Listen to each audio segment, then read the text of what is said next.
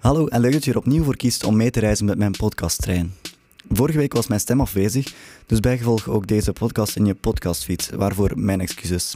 Maar niet getreurd, we rijden terug deze week. Of dat dacht ik toch. Mijn week begon eigenlijk al minder goed. Ons vertrek wordt eventjes uitgesteld door een hasbak in Ede. Alvast onze excuses hiervoor. Ik hoop jullie zo spoedig mogelijk verder op de hoogte te houden in verband met ons verdere uh, rit. Zoals je hoort kreeg ik maandagavond te horen dat mijn treinrit niet kon worden vergezet door een gaslek op de route. Met een uur vertraging als gevolg. Maar we zijn thuis geraakt. In ieder geval opnieuw welkom bij deze rit die wel doorgaat zoals gewoonlijk.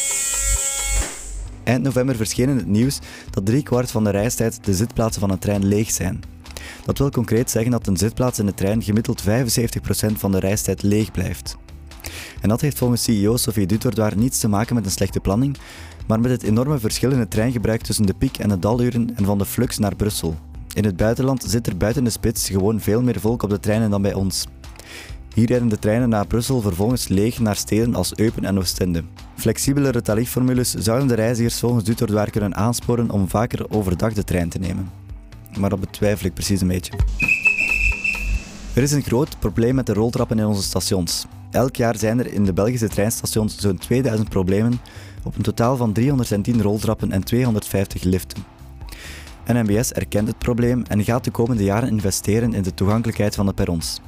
Dimitri Temmerman van NMBS geeft uitleg. Heel wat van die liften en vooral die roltrappen die hebben toch al wat leeftijd. En die zitten ook aan het einde van hun levensduur. En daarom dat die ja, te vaak gewoon defect zijn. En dan contacteren wij wel de onderhoudsfirma's die dat zo snel mogelijk gaan proberen op te lossen. Maar vaak ja, gaat het om zodanig oude roltrappen dat het heel moeilijk is om daar wisselstukken voor te vinden. En dat het ook heel moeilijk wordt om die te herstellen. Momenteel wordt er een nieuw raamcontract opgesteld om de kosten in te schatten. Tegen het einde van dit jaar wil de NMBS het rond hebben. In totaal gaat het om een investering van 67 miljoen euro.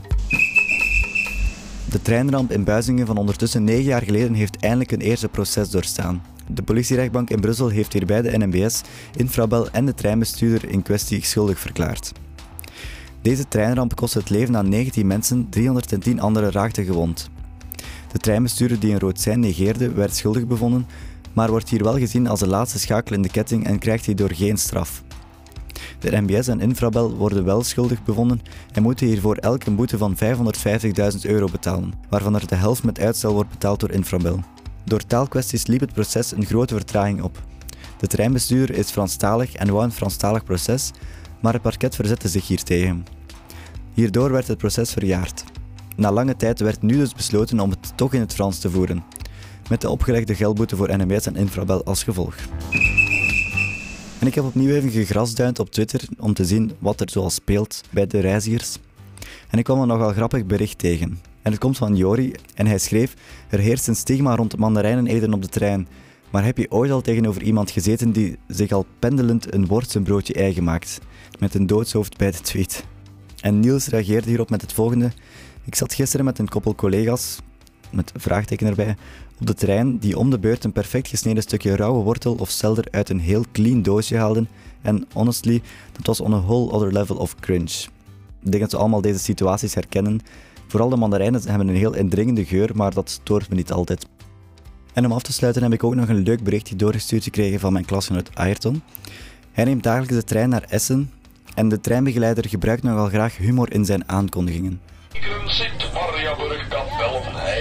Zelfs Kijkuit, Kalmthout, Wildert en Essen onze eindbestemming. Want deze van Haltes zijn Antwerpen luchtbal en Antwerpen Noordendok. En deze naar dagelijkse gewoonte rijden wij wederom met zes rijtuigen rond. En naar dagelijkse gewoonte zijn er weer zeer veel zitplaatsen in de eerste drie rijtuigen van onze trein. Op deze manier is de treinrit natuurlijk een stuk aangenamer voor de reizigers. Wil je zelf ook graag reageren op een opmerkelijke gebeurtenis of heb je iets gezien dat niet spoort? Of heb je een audio-opname die je wilt doorsturen? Laat het dan zeker weten. Je kan zo'n audiobericht inzenden via de link in de beschrijving van deze podcast. Als je zelf niet graag iets inspreekt, kan je me ook een bericht sturen via Twitter of Facebook. Tot volgende week en nog een prettige reis.